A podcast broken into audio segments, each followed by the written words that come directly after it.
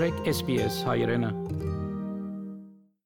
Ողջույն հարգելի ունկնդիրներ անցաչափաթը Հայաստանում, Արցախում եւ Սփյուռքում։ Նիկոլ Փաշինյանը հայտարարել է մենք տարածքներ նվաճելու որևէ մտադրություն չունենք։ Մեր մտադրությունը, մեր ինքնիշխանությունը եւ տարածքային ամբողջականությունը պաշտպանելն է։ Ադրբեջանական կողմը շարունակում է խախտել հրադադարը եւ Արցախում եւ հայ-ադրբեջանական սահմանին։ Օգոստոսի 12-ի գիշերը Ադրբեջանի զինված ուժերի ստորաբաժանումները Արցախի արևմտյան հատվածում փորձել են հատել Արցախա-ադրբեջանական հակամարտ զորքերի շփման գիծը։ Պաշտպանության բանակի հակազդող գործողությունների արդյունքում փորձը կանխվել է հակառակորդը յետ է շպրտվել ելման դիրքեր հայկական կողմից կորուստներ չկան։ Ադրբեջանական կողմի սադրանքի մասին անհապաղ տեղեկացվել է Արցախում խաղաղապահ առաքելություն իրական իրականացնող ռուսական զորախմբի հրամանատարությանը։ Հրադադարի խախտման փորձ է արել հակառակորդը նաև Հայաստանի Արարատի մարզի Երազ խամայնքի հատվածում, կրակոցներ են եղել նաև Գեղարքունիքի մարզում, հայկական կողմից զոհ չկա։ Պաշտպանության բանակը Արցախից դուրս բերելու սցենարը, Արցախը հայաթափելու սցենար է, ասված է Հայաստանի արտգործնախարարության հայտարարությունում։ Հայաստանի արտգործնախարարությունը շեշտում է ադրբեջանական կողմի այն պնդումները, որ նոյեմբերի 9-ի երակողմ հայտարարությունը սահմանում է հայկական զորամիավորումների դուրս բերումը Լեռնային Ղարաբաղից, բացահայտ կեղծիք է։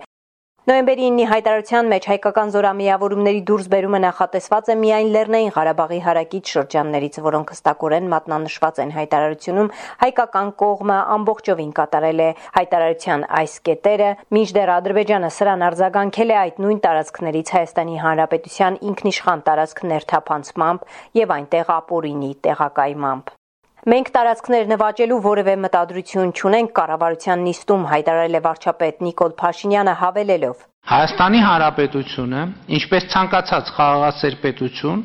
զինված ուժերը զարգացնելու եւ վերափոխելու է ոչ թե ագրեսիայի, այլ հնարավոր ագրեսիայից պաշտպանվելու համար եւ մենք տարածքներ նվաճելու որևէ մտադրություն չունենք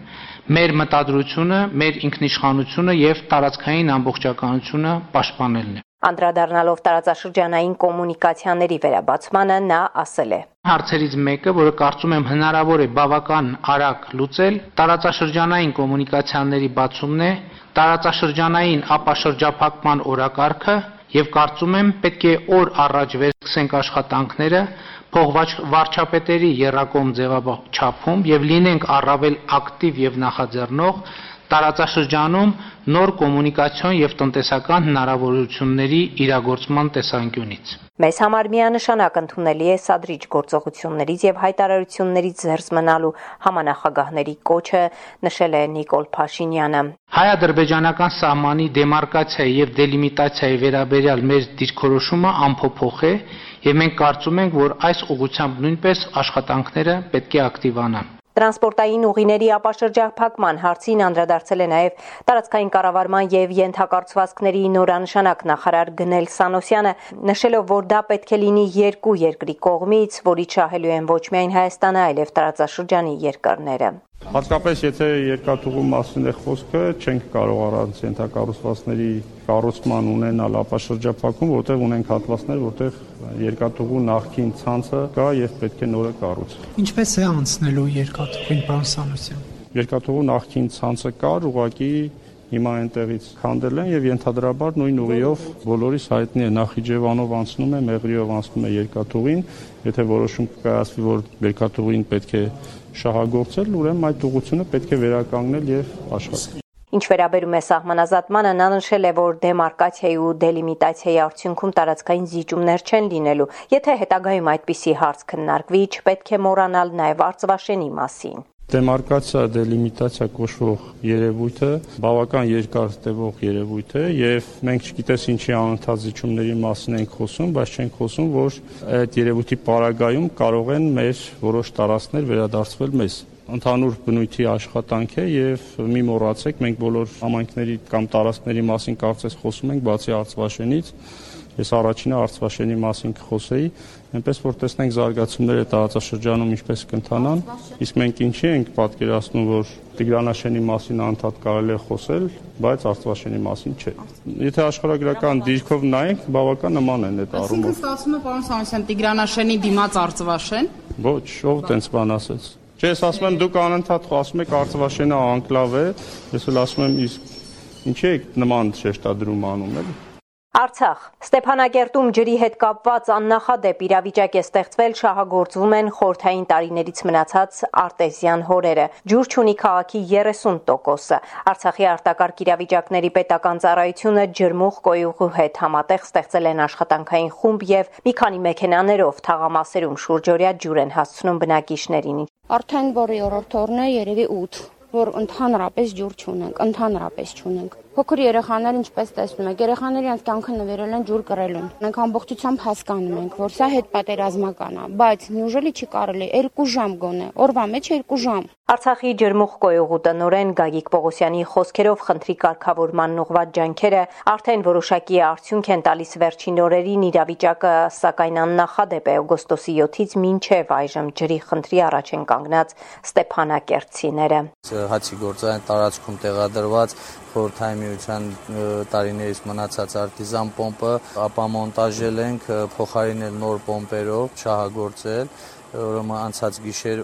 ժամը 12:00-ից արդեն շահագործման մեջ է Հայաստանի երրորդ նախագահ Սերժ Սարգսյանը անցաչափած այցելել է Ամարասի վանական համալիր։ Նա ծանոթացել է Լույս հիմնադրամի օժանդակությամբ Ամարասում իրականացվող մեծածավալ վերականգնման աշխատանքների ընթացքին։ Իդեպ նշեմ, որ Լույս մշակութային գիտական կրթական հիմնադրամի խորհրդի նախագահն է Սերժ Սարգսյանը։ Ավրորան Արցախի կողքին Ավրորա մարդասիրական նախաձեռնության Ստեփանակերտի նորաբաց գրասենյակում տեղի է ունեցել Ավրորան Արցախին ծրագրի գործընկեր կազմակերպությունների ներկայացուցիչների հետ հանդիպումը Ավրորայի համահիմնադիր գործարար Ռուբեն Վարդանյանի հետ քննարկելու առաջիկա անելիքները։ Ռուբեն Վարդանյանը այցի ընթացքում եղել է նաև Ստեփանակերտից 16 կիլոմետր հեռավորության վրա գտնվող Ասկերանի Դահրավ գյուղի հարևանությամբ կառուցվող նոր բնակավայրի շին հրապարակում, այստեղ մեկնարկել է 100 տուն Արցախում նախագիծը, որի նպատակն է բնակարանով ապահովել պատերազմի հետևանքով տեղահանված եւ տունը կորցրած արցախցիներին։ Սա շատ լավ ծրագիր է եւ ուզում եմ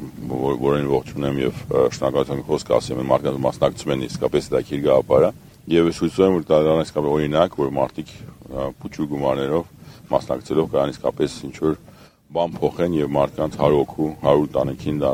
տան տները Սփյուռք. Մեծի տան Կիլիկիո կաթողիկոս Արամ առաջինն անցաչափ Արցախի նախագահ Արայիկ Խարությունյանի հետ հերախոսազրույցում իր զորակցությունն է հայտնել Արցախի ժողովրդին, վստահություն հայտնելով, որ միասնական ուժերով կհաջողվի հաղթարել արկա մարտահրավերները եւ լուծել Արցախի արչեւ ծառացած խնդիրները։ Արցախի նախագահը վեհապարին է ներկայացրել Արցախում տիրող իրավիճակը, իրականացվող վերականգնողական եւ շինարարական աշխատանքները, պատերազմի հետևանքով տեղահանված քաղաքացիների խնդիրները։ Միաժամանակ նախագահը երախտագիտություն է հայտնել Արամ առաջին կաթողիկոսին Արցախին մշտապես սատարելու համար։ Եվ այս բաժնում հոլիվուդյան հայ դիմահարդարի Էմիի մասին է։ Հոլիվուդի հայ դիմահարդարը Արմինե Մինասյանը հայտնի Էմի անունով Հայաստանի հանրային ռադիոին պատմել է, թե ինչպես է Իրանից հասել Միացյալ Նահանգներ ու դարձել հոլիվուդյան հայտնի դեմքերի դիմահարդարը։ Արմինե Մինասյանը ծնվել է Իրանում, Իրանը հայ հայտնի պատմագիր Լևոն Մինասյանի դուստրն է, սովորել է Իրանում 4 տարի դասավանդել Նոր Ջուղայի դպրոցներից մեկում, մասնակցելով Միացյալ Նահանգներից դպրոցներին ուղարկված հրավերին նա մեկնել է Միացյալ Նահանգներ, ընդմիշտ մնալով այնտեղ։ Անում անգլերեն մենակ ես դու ես նո էի իմանում, անգլերեն չէի իմանում, դրամ չունեի, խոսել չեմ կոր չեմ, ոչ ում չունեի, այդպես է եկել։ Որպեսզի ֆիլմերի մեջ աշխատես, դու կարող ես միայն մազը տիրապետես, կամ դիմահարտարությունը տիրապետես, կամ երկուսն էլ միասին տիրապետես։ Ես գնացի քննության, ինձի կտրեցին 5 անգամ, որտեղ չէին ուզում, որ երկուսն էլ տիրապետեմ անեմ։ Բայց մինչև 6-րդ անգամ հոգնեցին ու փոխե։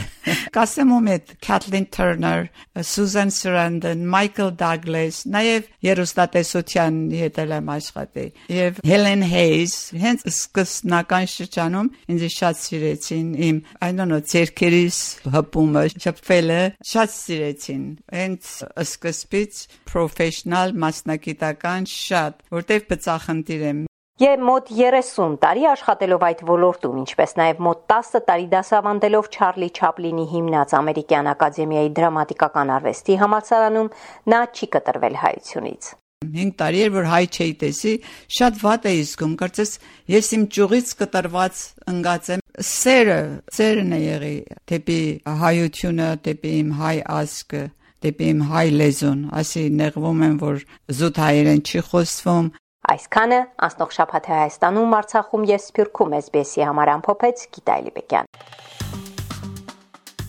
Հավնե, լայք, բաժնեկցե, դարձիկը թայտնե, հետեւե SBS հայրենին թիմադեդի վրա։